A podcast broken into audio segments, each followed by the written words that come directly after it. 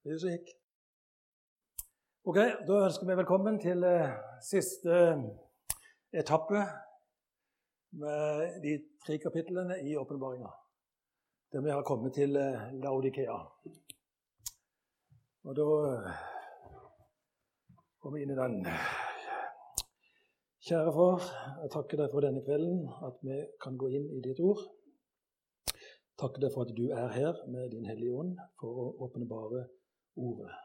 Og ber om at alle må være klar med åpne ører for å høre hva du har å åpenbare inni vårt hjerte. Amen.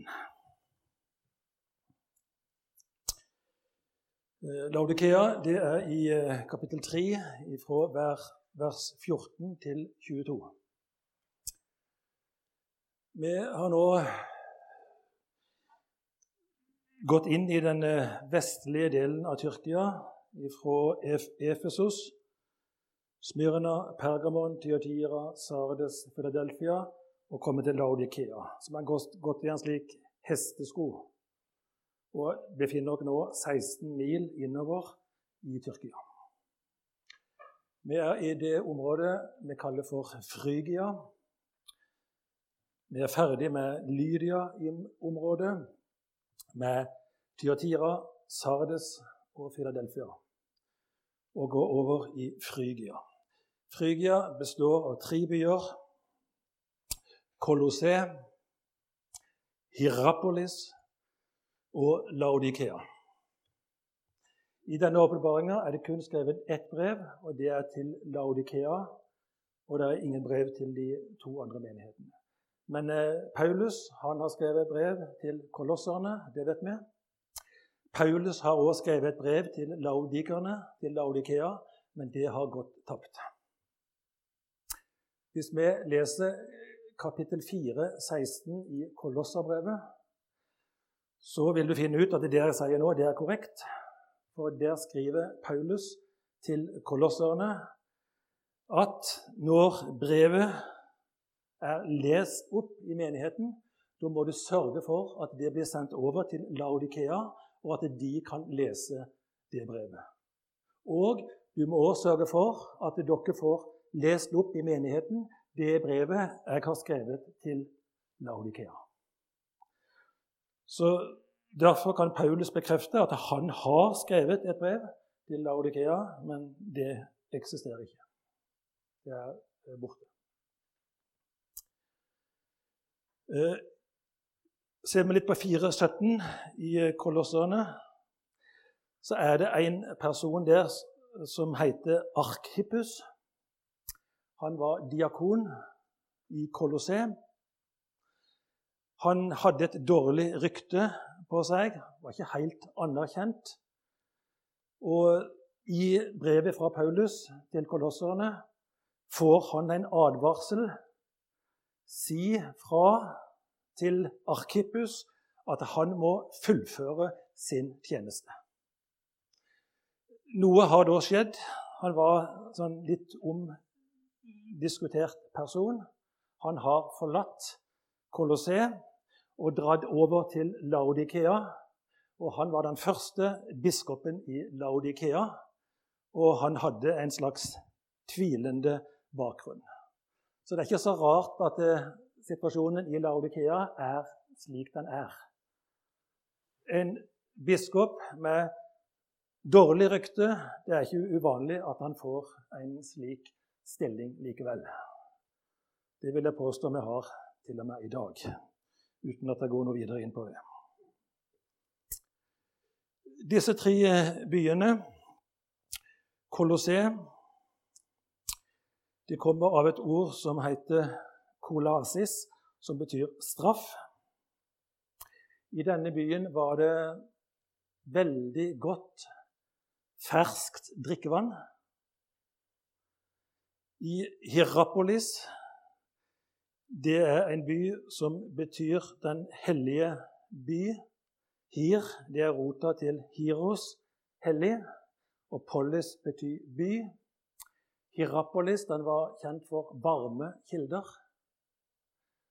Eh, mange personer, når de ble syke og ble eldre, da i omkringliggende byer. De dro til Hierapolis for å ligge i de varme kildene, og de antok og trodde, og de erfarte at dette hadde en helbredende effekt på kroppen. Og De flytta dit, og de etablerte seg der, og de døde i Hierapolis. Derfor ble Hierapolis etter hvert gikk over til å få navnet Nekropolis. Nekros, det betyr død. Mange, når de venter, de venter, på døden, så sier de at de vil skrive min nekrolog på forhånd'. De vil skrive sine egne ord, hva de skal si i begravelsen. Nekros død. Så det ble det nye navnet på Hierapolis fordi mange døde der. Eh, vi går over på Laudikea. Laudikea var en by som hadde et handikap. Og handikap var det at de hadde ikke nok vann. Så det vannet de fikk, det måtte de transportere i underjordiske vannledninger fra de to nærliggende byene, Colosseum og Hierapolis. Det betyr at det vannet, når det kom fram, det ble lunkent. Så Derfor er, vi skal nå se etter hvert her at han taler til menigheten om at de er lunkne. Og Det stemmer også med situasjonen i byen på den tida. De hadde ikke fått tak i det kalde vannet og ikke den varme vannet til helbredende effekt. Eh, Laudikea ble grunnlagt i år 250 før Kristus av Antiokus fra Syria. Han ga navnet etter sin hustru Laodike. Derfor fikk han navnet Laudikea. Laos betyr folk, akkurat som demos. Men det har litt to ulike betydninger. Eh, vi har jo nevnt litt tidligere her om Nikodemus, og vi har nevnt Nikolaos. Nikos betyr seier. Både demos og laos betyr folk. Eh, Nikodemus kom til Jesus på natta og lurte på hva skal han gjøre for å arve evig liv. Og Han fikk da svar at han måtte bli født på ny, bli født av vann og ånd. Så Nikodemus det går ut på hvordan folket skal seire. Jo, at du skal seire i Kristus. Nikolaos vi har nevnt før, men nikolaitenes lære, det er Satans metode for å unngå seier. Hvordan Satan skal seire over folket. Og Da heter folket Laos når Satan er inne i bildet. Det heter Demos når Gud er inne i bildet. Og dette blir hele tida en på en måte Du trekker deg vekk ifra Gud. Når Gud styrer Det er noe vi kaller for krati. Eh, krateo har nevnt før, å holde fast på. Du skal holde fast på Guds bud. Krateo. Og teokrati det er det at Gud styrer alt fullstendig. Demokrati det er det at folk styrer ut ifra Guds bud. Men her har vi laokrati, og laokrati betyr at folket skal styre uten Gud. Derfor heter menigheten Laudikea. Dikea betyr å mene, ha rett. Dine følelser de kommer fram. Og dine følelser skal bestemme, og du skal få gjennom det du vil ut ifra det du tenker og føler. Og Det er den perioden vi er i dag, at folket skal bestemme. Så legger vi vekk Guds ord. Så Det er da forholdet i Laudikea. Laudikea var en rik by. Veldig bra utbygd bankvesen. Eh, sauene var av toppkvalitet. Noen av de fineste i verden. Ulla var myk, flott. Alle kom fra nærliggende områder og kjøpte de klærne de produserte i Laudikea. Så det var en rik by, og det kom mange folk til byen og kjøpte. Og den vokste, og den økte. De var òg eh, langt framme i eh, medisinsk forskning. Eh, litt utenfor sentrum av Laudikea eh, var det flere leger som forska eh, innenfor medisin. Og de eh, produserte både øyesalve og øresalve. De ble så populære at de ble til og med avbilda på baksida av myntene. Eh, alle trodde at dette var bra medisin, De gikk for å være det, men i ettertid var det nok noe inni de, et stoff som hadde nok bivirkninger, som i tillegg kunne ødelegge øyene. Vi skal se videre etter hvert nå at, at Gud anbefaler menigheten til å kjøpe øyesalve. Altså, de har egentlig alt, de er rike, men de mangler alt fordi de har forkasta Gud. De vil bestemme sjøl. Som i Tyrkia så var det mye jord, jordskjelv i de ulike byene, og det var det også her i Laudikea. I år 61 var det et kraftig jord, jordskjelv. Alle de andre byene der det hadde, vært jordskjelv, der greip keiseren inn med penger og ville hjelpe til byen og bygge den opp igjen. Men laudikerne, når det var jordskjelv der, da sa de nei takk. Vi klarer oss selv. Vi er rike. Vi mangler ingenting. Vi vil ikke ha hjelp av keiseren. De forkasta all hjelp, vil heller ikke ha hjelp av Gud. Det var litt innledning på eh, Laudikea. Nå skal vi inn i denne menigheten da, og se på hva Herren vil fortelle. 3.14. Og til engelen, den i Laudikea menigheten skriver. Dette sier Ammenet. Ammenet. Jeg bare stopper der, for dette, bare det har jeg noe å si. Ammenet. Ammenet, altså det er i bestemt form. Et tre, tre, ett. Et ammen. ammennet. Det er en beskrivelse på Kristus. Han er ammennet i bestemt form. Han er ikke ett ammen eller ammen, men han er ammennet. Han er ikke én sannhet, men han er den absolutte sannheten. Det, ammen, nett. Ammen, det står for sannhet. Det er den hebraiske måten å uttrykke sannheten på. Nå med be, med be før vi tar et møte, så ber vi, og så sier vi 'ammen' etterpå. Når en andakt er ferdig, så sier vi 'ammen' etterpå. Det vi da egentlig gjør, det er å fortelle det at ok, det jeg har sagt nå, det er sannheten. Du burde ha fulgt med. Jesus han eh, gjorde det omvendt. Han sa 'ammen' før han talte. Han sa 'ammen, ammen, lego hymin'. sa han. Ammen, ammen, lego hymin. Og Det blir på norsk oversatt, finner det mange steder i Bibelen. Sannelig, sannelig sier jeg dere. Det er NB, nota bene. Her kommer sannheten. Nå må du følge med. Han vekker deg opp på forhånd. Følg med. Jeg taler nå. Jeg er ordet, og jeg taler ordet, og det er sannheten. Følg med nå, sier han til, til, til folket sitt. Amen, amen. Og så kommer alt det han, han har å si. Og han forteller nå at han er det. Og at det burde ha sagt det på forhånd. Og nå sier jeg det. Jeg sier det på forhånd nå. Må du følge med på Laudikea. Han er amennet. Han er sannheten. Dette sier amennet. Vitnet det troverdige og sannferdige. Vitnet det troverdige og sannferdige. Igjen tar han at det er sannferdig. Det er sant. Han bekrefter det om igjen, at han er ammen, at det er sant. Og at det er troverdig, og at han er et vitne. Og Det ordet som er brukt for vitne, det er det sterkeste ordet. Det er martyreo. Det er martyr. Og martyr det forbinder vi med blod, døden. At du er villig til å dø for det du tror på. Martyrene.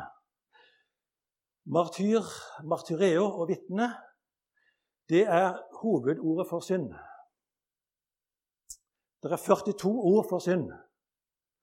Nå skal ikke jeg ta alle dem, for da kommer jeg ikke med lenger. Men hovedordet for synd det er hamaratia, en A foran.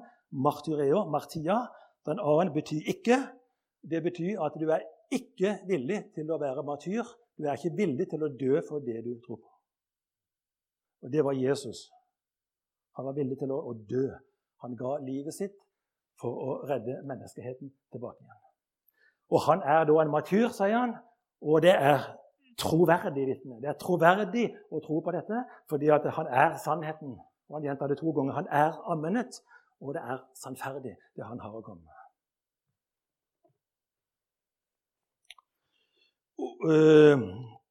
Og opphavet til det skapte Guds. Opphavet til det skapte, det Gud står bak, står det på gresk. Opphavet til alt det skapte, det Gud står bak. Og Det får vi jo gjentatt mange steder i Bibelen, bl.a. i Johannes 1, 3, i evangeliet. Der får vi det om igjen. Alt er blitt til ved Han, og uten Han er ingenting blitt til av det som er blitt til. Og Han, det går tilbake til kapittel 1 med Logos. Han sier det at han er ordet. 'Jeg er Logos', sier han. En arché, en hologos. I starten, i begynnelsen, var ordet. Og ordet var hos Gud, og ordet var Gud. Og en tredje, Alt er blitt til med Han, av Han, av Jesus. Det er ikke Faderen, det er Jesus. Hvorfor det? Jo, fordi at Faderen er hodet, og Jesus han var kroppen. Hodet bestemmer hva som skal gjøres. Kroppen utfører det. Når jeg ser hjemme at hekken må klippes, så er det hodet som ser at hekken må klippes. Det er ikke hodet som utfører det, er lemmene. Så da Jesus hadde gjort sitt, da dro han opp igjen til sin far. Og da ble han hodet og overlatt resten til menigheten, og da er menigheten kroppen. Så Jesus han er ferdig med sitt og ber menigheten om å gjøre sitt. 3.15 og 3.16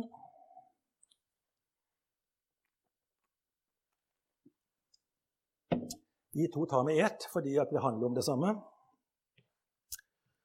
Så det er jo greit om vi kan integrere to vers i ett vers. Da går det litt fortere.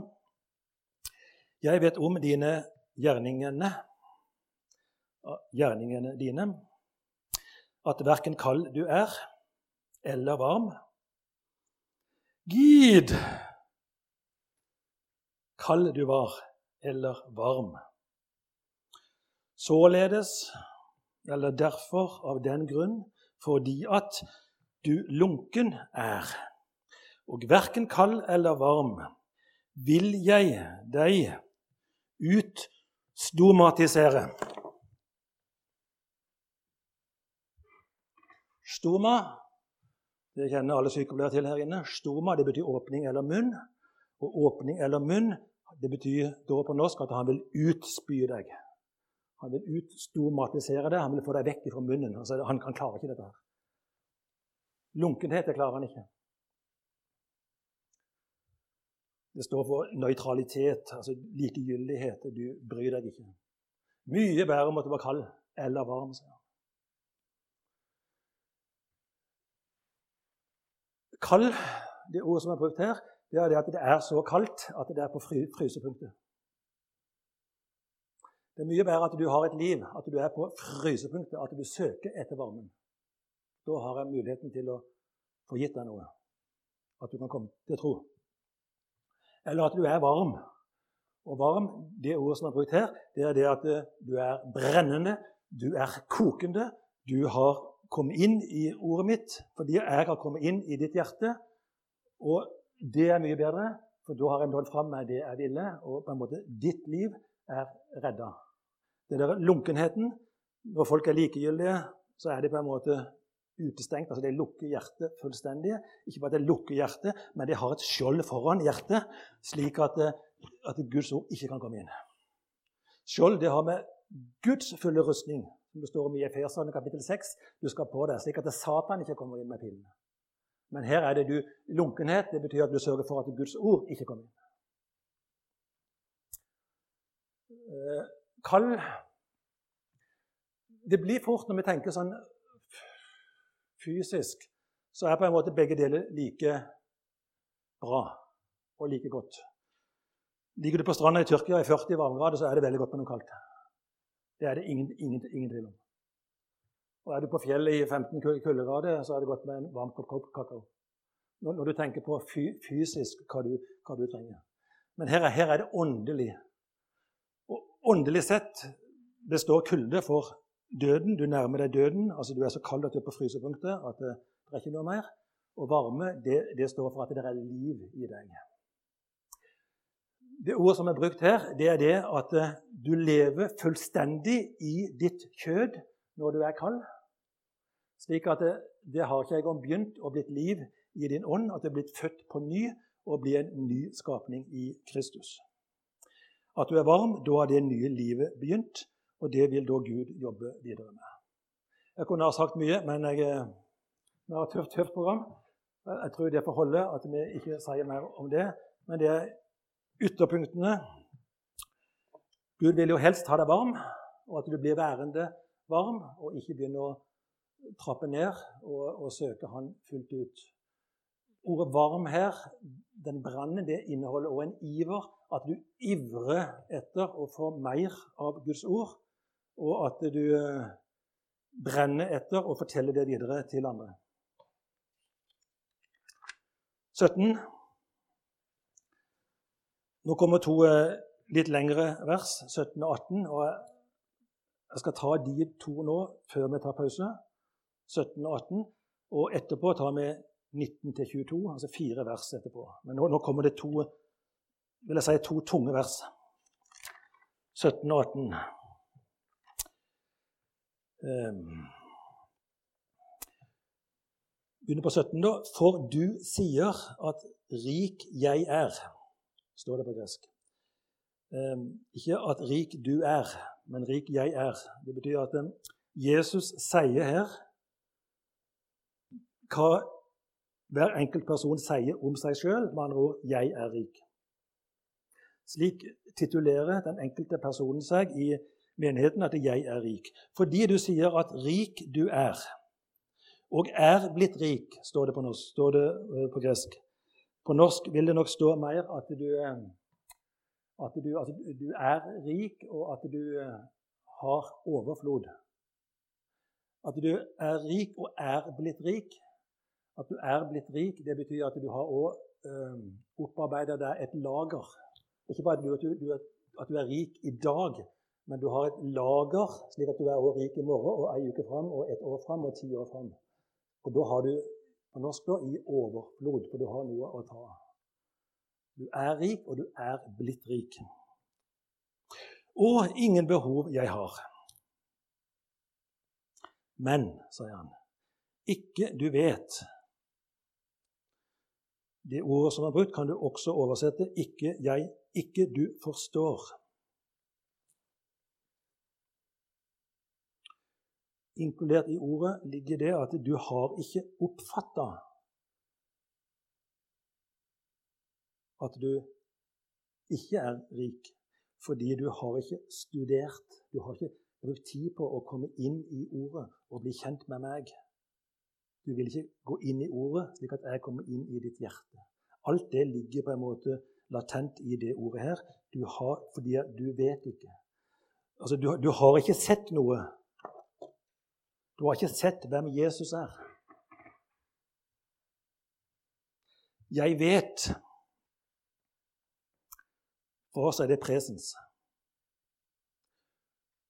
For på gresk er det perfektum. Har sett i alle dimensjoner. Du har sett i alle dimensjoner. Grekerne har samme mønsteret. Verb, infinitiv, presens, preteritum, perfektum. Ofte i perfektum lager de et nytt ord som de hiver ned to hakk, og sier det at det nye ordet de lager i perfektum, det har presens betydning.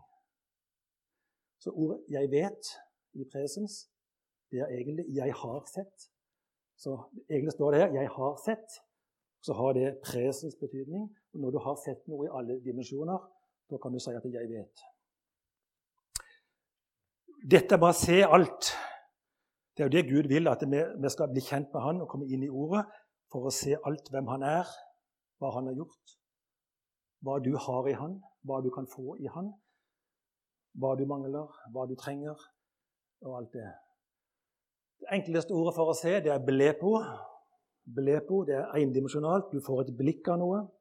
Belepo, blikk. Det andre ordet det er teoreo. Da ser du todimensjonalt, da ser du lengde-bredde. ligger det norske ordet teori. Du har, en, du har, sett så mye at du har en teori om et eller annet. Det tredje ordet det heter orao. Orao det har med oros å gjøre, som betyr fjell. Oros det har dere hørt, noe vi kaller for orografisk nedbør. Når varm luft nede i dalen stiger oppover fjellet og møter kald luft, så får du orografisk nedbør. kommer ord, du går oppover fjellet. Lenge det er bredde, høyde, da går du oppover fjellet. Og mens du går oppover fjellet, da, du, da får du sett mer. Og du får sett nedover i dybden, slik at du får lengdesyn og breddesyn og høydesyn, og du får dybdesyn. Og det mest avanserte ordet, når du ikke kan se noe, det er opsomei, som har med oftalmos å gjøre, øyet. Det har med optikken å gjøre.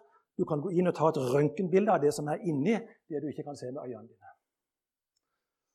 Du lurer på om du har et beinbrudd, så kan du ta røntgenbilde. så ser du ja, det er et beinbrudd. Fordi at De har et røntgenbilde, de går inn, de tar optisk apparat og ser.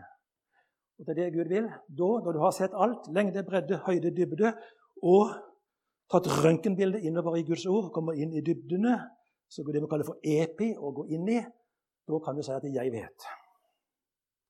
Hva bruker vi for å kunne se noe, for å kunne vite noe? Jo, vi har mikroskop kunne se noe lite. En celle kan du da inn i en mikroskop, så kan du psh, forstørre det, så du kan se mitokondrier og alt inni en celle. Du har makroskop. Du har stjernekikkerter der du kan zoome inn og se planetene og stjernene ute. Og så har du episkop. Og episkop det er Bibelen, Guds ord, åpenbart av Den hellige ånd. Du går inn i. Epi betyr inni. Guds ord. Skopeo betyr å se inn i. Det, det du bruker for å se epi. Og episkop Tar du vekk den én der, så får du piskop. Så en biskop han skal ha sett inn i Guds ord, og så skal han tale ut det han har sett, til folket. Det en biskop gjør når de hører at han blir intervjua på, TV, så sier biskopen at ja, vår oppgave er å tale til folket. Fordi at epi betyr til. De har rett, de gjør det, men epi betyr også inni. Men det kutter ut den derre inni. For det er viktig å ha omsorg og tale til folket. Ja, men du må ha noe å tale til folket. Du må du ha gått inn i Guds ord, epi, episkop, for å ha noe å tale til folket. Det var litt sånn dybder i 'jeg vet'. Og vet du hva det betyr å vite? Men ikke du vet hm, at du er punkt 1 ussel noen eh, bibler oversetter det med 'elendig'. Ussel, elendig. Det er det første ordet. Det andre ordet er at du er elendig.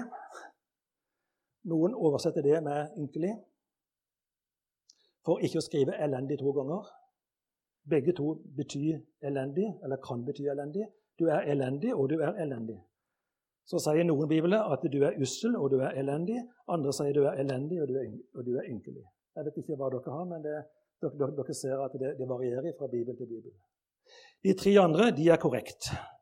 Det er det at du er fattig, og så er du blind, og du er naken. De to første her, som da er elendig og elendig Ingen av de ordene er, er riktige.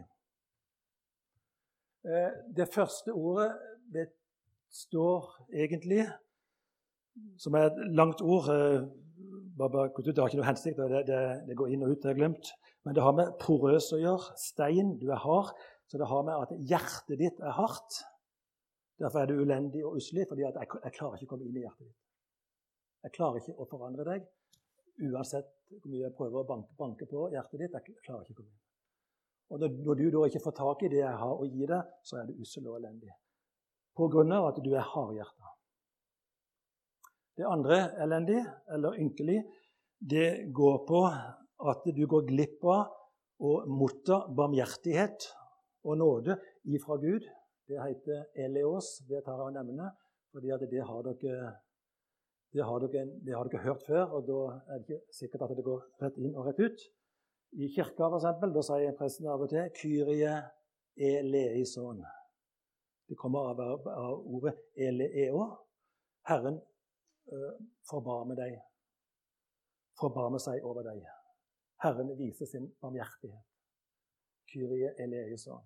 Det ordet, det ordet her er brukt, eleeo, som verb. At du er eleinos.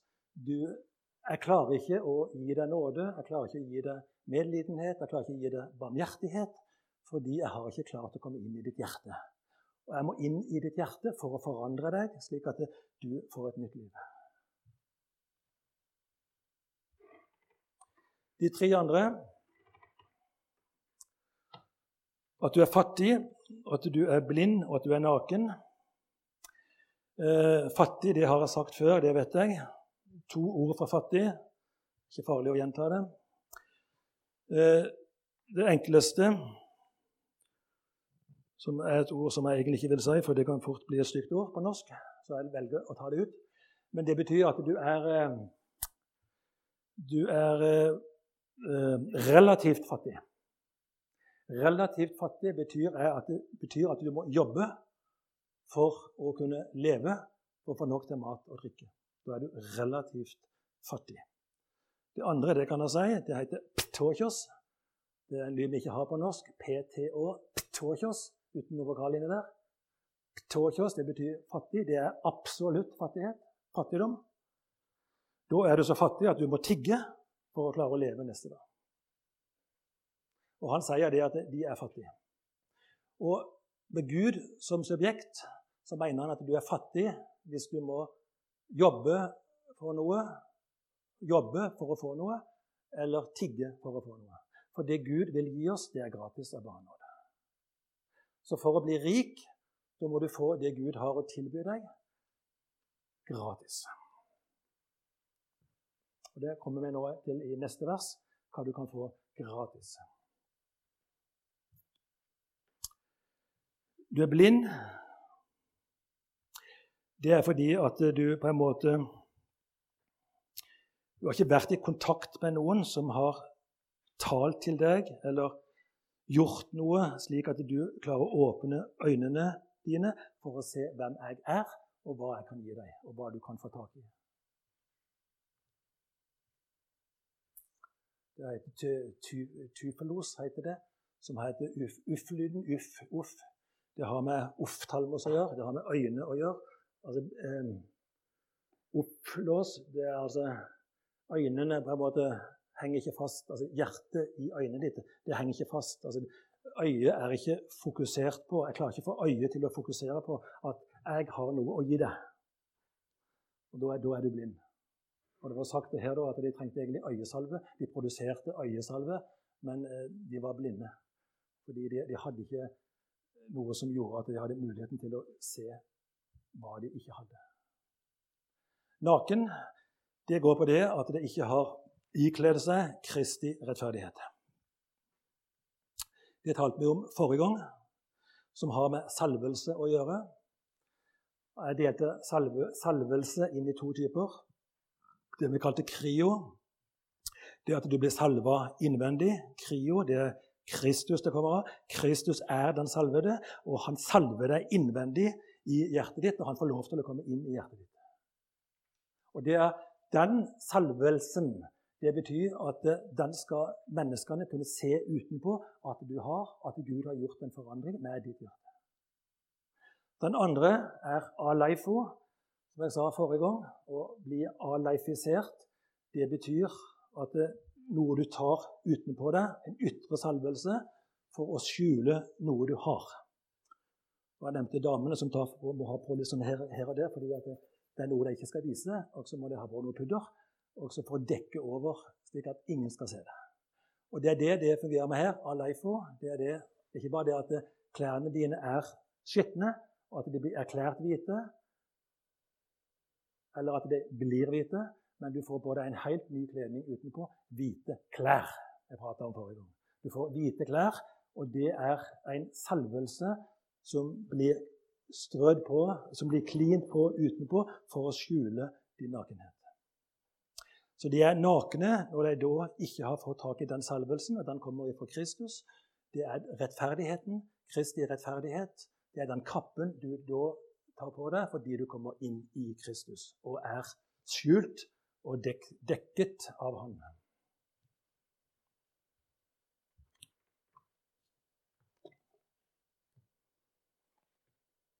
3.18. Jeg tror vi var ferdig med det 3.17, var vi ikke det? 3.18. Jeg råder deg Nå kommer han med råd her, hva du skal gjøre. For situasjonen din den er temmelig dramatisk. Du, her, her må noe gjøres. Jeg råder deg til Jeg tar det første nå noenlunde slik det står på norsk. Skal si etterpå nå at det, det er feil, det står noe annet, men jeg, jeg leser det noenlunde slik nå. Jeg råder deg til å kjøpe av meg gull, pyrisert eller glødet eller lutret Det står forskjellig i ulike bibler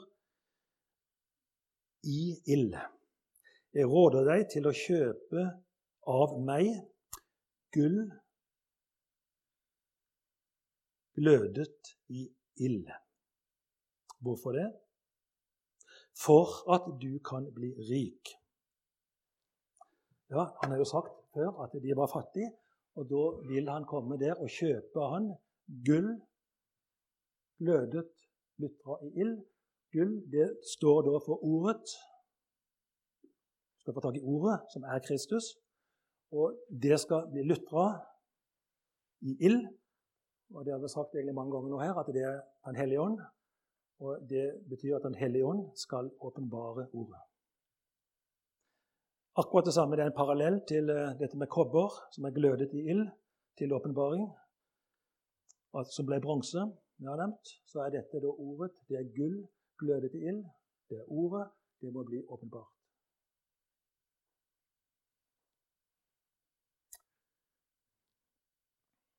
For da kan du få liv. Du har, du har, ikke, du har ikke liv. Få tak i ordet. Å kjøpe da her Det er ikke det vi tenker på med å kjøpe, fordi det er gratis. Og Jeg kommer tilbake igjen til det, at uh, kjøpe er da egentlig et feil ord her. Men vi leter det stå slik at du kjøper det for at du kan bli rik. Rikdommen den har du når du får tak i Guds ord og kommer til å tro på det, og det blir åpenbart for deg, og du blir en ny skapning. Det andre han råder deg til, det er å kjøpe klær hvite for at du kan kaste omkring deg. Slik at ikke blir åpenbart, synliggjort, skammen av nakenheten din. Det ble sagt at, han, at var, de var nakne, de hadde ikke klær. Og her blir det da å få tak i og kjøpe av meg hvite klær. De hvite klærne, da, som jeg sa i stad, det er Kristi rettferdighet. Det blir om igjen det samme. Det er bare det at det først beskriver han situasjonen slik det er, og deretter hva han råder deg til at det, dette bør du ordne opp i. Og han kommer med et råd til, og det er få tak i øyesalve for at du kan innsalve øynene dine for at du kan se. Ja, du kan se det var fordi at du var blind. Så her får du tre råd hva du kan få tak i, og du får det av Herren. Og det er gratis. Hvorfor står det da å 'kjøpe'? Alt det du får av Herren, det er gratis. For Herren er det å være rik, det er å få noe gratis. Så hvorfor står det da 'kjøpe'? Det er fordi at for å få tak i dette, så må du kjøpe deg tid. Altså Du må frigjøre den tiden du har til disposisjon, disposisjon for å få tak i det Gud har å gi. Så det verbet som er brukt her, det er ikke å kjøpe. Det heter agoritzo, som kommer av ordet agora. Og agora, det betyr marked, torv. Kom deg til sentrum, kom deg til torvet, kom deg på, mark på markedet. Du må ta det det står her. Jeg råder deg til å agorisere deg. Kom deg på markedet og løskjøp på en måte tid, slik at du kan få tak i det jeg har løskjøpt deg ifra. For han har kjøpt alle menneskene fri med at han har sona vår synd. Og du må da agorisere deg for å få tak i det Herren har å gi deg. Og det ligger i, i misjonsbefalinga at du skal gå ut og forkynne evangeliet. Og Det betyr at du skal gå ut på markedet, du skal gå ut på Agora-området, og der vil du treffe på noen som forkynner evangeliet. På markedet der drev de med salg. Noen gikk der for å selge ting, noen gikk der for å kjøpe ting. Noen gikk der for å bytte ting for å få noe annet enn det de hadde. Noen gikk der for å, for å treffe venner, treffe bekjente, for å slå av en prat, for å være sosiale. Noen gikk der for å spise sammen med andre. Det, var, det søkte til fellesskap. Og mens de da var der på markedet, så ville det da være noen der som delte ut som nå. De delte ut noen traktater, eller noen kommer bort og prater med deg. Og, og sånn at du går, går ut og forkynner evangeliet. Så du må løskjøpe tid for å komme deg ut på markedet hvis alt hadde fungert slik Gud tenker, for det er der du skal gå ut og forkynne evangeliet. Egentlig ikke i menigheten. Menigheten er en utrustning for å kunne gå ut.